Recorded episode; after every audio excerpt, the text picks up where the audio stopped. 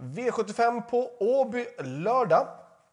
Åby som har open stretch. Åby som den här V75-gången har final i Drottning Silvias och eh, pokal och även Kungapokalen och eh, Paralympiafinalen. Extremt fina lopp.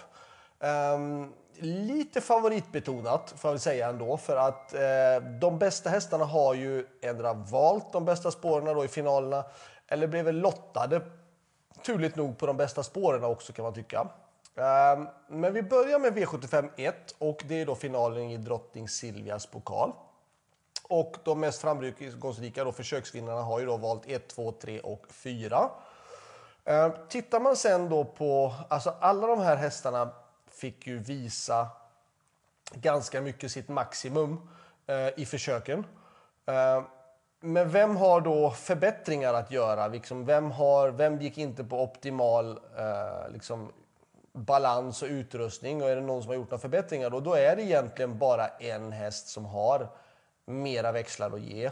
Eh, och det är då nummer två Glamorous Rain och hon ska då lättas i balansen fram och ta bakskorna. Och ni vet ju om att barfota bak kan få en extrem effekt på många hästar. Eh, och eh, med tanke på det här och med tanke på att den har varit favorit innan och med tanke på att den har ett bra utgångsläge med spår nummer två, Glamorous Rain, så tycker jag att det här är eh, riktigt bra spik såklart. Um, att spika den första avdelningen nummer två, Glamorous Rain. Värst emot, då är ju såklart eh, ett Donna Summer, tre Sheba Mil eller då självklart då nummer fyra Deborah SH som jag tycker är den stora varningen emot i sådana fall för att den är då ändring på utrustning på huvudlaget och har bra, är stark och rejäl eh, och ett bra utgångsläge. Själv är jag med nummer 11 Bright Crystal som känns bra, men hon har fel utgångsläge. Och hon är inte i toppform än och det ska hon inte vara. Hon ska vara i toppform i juli, augusti, september eh, när det är de här storchampionatet och eh, derbyt som gäller såklart. V75 2. Det här är ett voltstartslopp över lång distans och fem Titan Yoda var ju med och var stor favorit på V75 på Halmstad från just spår 2. Då tog han inte ett steg rätt utan galopperade direkt. Eh, spår 5 är ett lättare spår men ändå ett svårt spår. 2, 4, 5 är de svåra spåren i voltstart och med tanke på det så tycker jag att vi ska ta med honom men vi ska gardera. Jag vill ha med nummer ett från Heaven Eat Sarda som hade otur senast, kunde lika gärna ha vunnit, fick stryk snöpligt på mållinjen. Eh, två Bocadamo, eh, men vet ju ingenting om den hästen i voltstart. Eh, självklart tre Borups Tornado, fem Titan Yoda. Eh, varningen för mig det är nummer 11 Gerben. Gerben gjorde ett bra lopp i Jägersro, vann ett billigare lopp senast på Axvalla, barfota runt om. Den hästen är bättre bakifrån. Distansen är inte ett problem. Att Erik Adelsson kör gör att det hela blir ännu intressantare. Och jag tycker att Gerben är största varningen i omgången faktiskt. Eh, själv är med nummer 6 Cruise som var nära att utmana sist då mot From Heaven i Sarda. Gjorde bra lopp då. Det gäller att det klaffar. Kommer jag ner till sargen på ett bra läge så kan jag vara med där framme i alla fall. Eh, V75 3 är nummer 2 Francesco Zet, stor, stor favorit. Eh, befogad, absolut. Eh, men lite väl stor favorit kan jag tycka. För att det är bra motståndare eh, och att han är sträckad i så höga procent gör ju att jag kan tycka att gör man det lilla systemet så är självklart Francesco Zet den rätta spiken. Men man vill ju försöka fälla eh, stora favoriter om det finns en möjlighet. Och det finns en möjlighet eftersom de är bra de andra hästarna också. Ett Aquarius Face är bra. Självklart då två Francesco Zet. Eh, tre Usain Lobel den min styrning nummer fyra, Is No Good Am, är jättebra häst. Uh, håller han sig på benen så är han nu en av de största utmanarna till Francesco Zet. Sen då de två som skulle profitera mest på uh, om det blir ett hårt tempo. Uh, det är nummer fem Mustang Racer och åtta Beat Generation. Beat Generation skulle gynnas jättemycket om det blir stenhårt tempo. Han hade lite otur i sitt försök, fick gå i vida spår, spurtade väldigt bra det är svårt på Åby att komma via tredje spår eh, när det är jämna fält. Det blir stor fördel i och med att det är open stretch. V75 4 är eh, stoeliten och eh, Lovely Godiva's minne. Det här loppet har ju dock de bästa hästarna inte fått de bra spåren utan det är då nummer 11 Carly Smart och 12 Honey Miras som har dragit riktiga nitlotter i spårlottningen men är tillräckligt bra för att kunna vinna.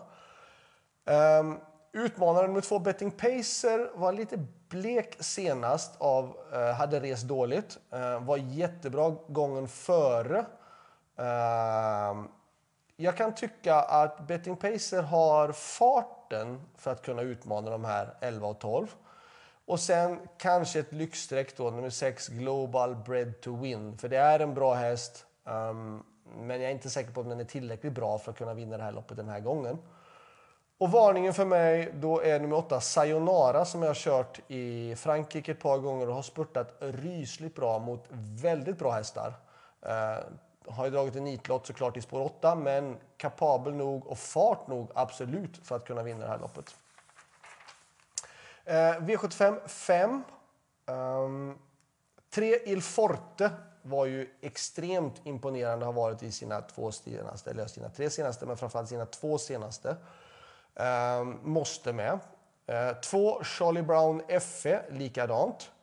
Fem Napoleon Cash eh, gjorde också bra lopp senast, inte så mycket att säga om. Det är liksom lite självspringande banor nu. Eh, det är svårt att springa både längre och snabbare eh, som man får göra när man får springa ut i spåren. Eh, sju Bon Nui B som jag kör känner jag inte riktigt till. Ehm, inte fått någon riktig info, men Gorsadors hästar har väl varit sådär hittills kan jag tycka i Skandinavien.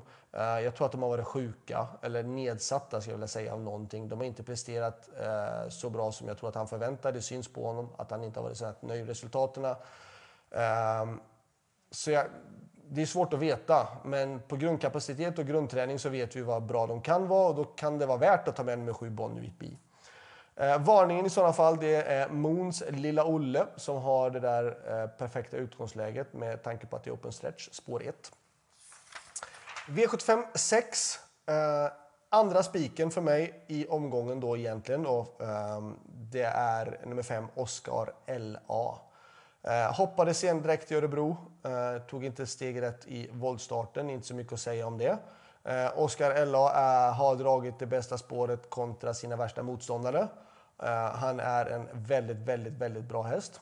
Um, sex Unico Broline är eh, den värsta motståndaren men ska gå med skor bak, vilket jag tycker är ett stort minus.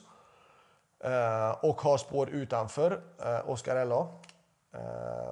Varningen tycker jag är 10 Reckham. Reckham har 1 680 000 kronor på sig och loppet är stängt på 1,7 miljoner. Så det betyder att ska han kvala in till final nu så är det sista chansen att kvala in till Elitloppshelgen och sen är han ute ur silver.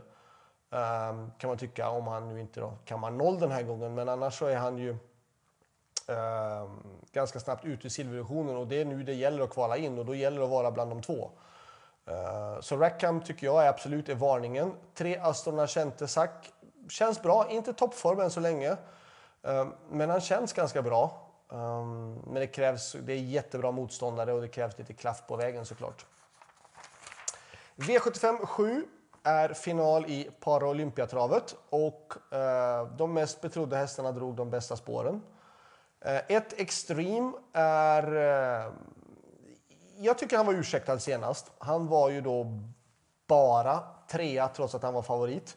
Eh, men han fick gå utvändigt ledaren och det är som jag säger eh, självspringande banor nu. Det är svårt. Om ledaren håller upp tempot och inte stannar och det är psykiskt jobbigt att springa så fort eh, utvändigt om ledaren. Och han fick en tuff inledning och ledaren var väldigt bra. Plus att Extrem gick med bakskor och inte hade kanske toppform än så länge. Men jag tycker ändå att han var godkänd med tanke på förutsättningarna. Nu är det bättre förutsättningar, ytterligare ett lopp i kroppen och barfota runt om. Självklart ska han räknas. Två Upstate Face var jättefin på Jägersro, räknas. Eh, tre delade på Mörö. Vi vet vad bra hon kan vara. Eh, hon var ju jättebra när hon vann Paralympiatravet förra året. Jag tror inte hon har riktigt samma form i år som förra året. För förra året var hon i, bevisligen i topp, topp form. Eh, nu kommer hon med lite brokigare resultatrad, men hon har alltid haft form på samma tidpunkt varje år och det är den här tidpunkten. Så hon räknas ändå med tanke på meriter och utgångsläge. Fyra Who's Who kom bort sig senast med galopp och det oroväcker mig lite grann. Visst, eh, kan skylla på Örjan. Eh, att han tog på sig det, men inte i den klassen. Inte i den höga klassen gör för första inte Örjan misstag. Och jag tycker att Who's borde ha hållit sig, inte galopperat. Ehm, men han räknas självklart på sin kapacitet och på utgångsläge. Och sen då vill jag ta med som varningen eh, och eh, även ett streck om ni har råd att ta med den. Självklart nummer 5. Born Unicorn. För han kändes rysligt bra senast. Eh, hästen lyste av självförtroende. Gick i mål med mycket krafter kvar. Ehm, och är kapabel att springa precis lika fort som de här andra betrodda i det här loppet. Um, slutsummering. Uh, självklart då, i den sjunde avdelningen så säger jag 1, 2, 3, 4 och varningen är nummer 5. Uh, ehm, slutsummering, min bästa chans. Jag kan tycka det att i den sjunde avdelningen då såklart nummer 1 Extreme är min bästa chans. Eh, bästa spiken, ja det finns tre stycken spikförslag. Ändra går man i första avdelningen på nummer två Glamorous Rain. Eller så då vill man gå på den stora tunga favoriten i avdelning 3, nummer två Francesco Zet. Eh, eller så går man då på i den sjätte avdelningen nummer fem Oscar LA. Så det var allt. Lycka till och så hörs vi igen nästa vecka. Hej då!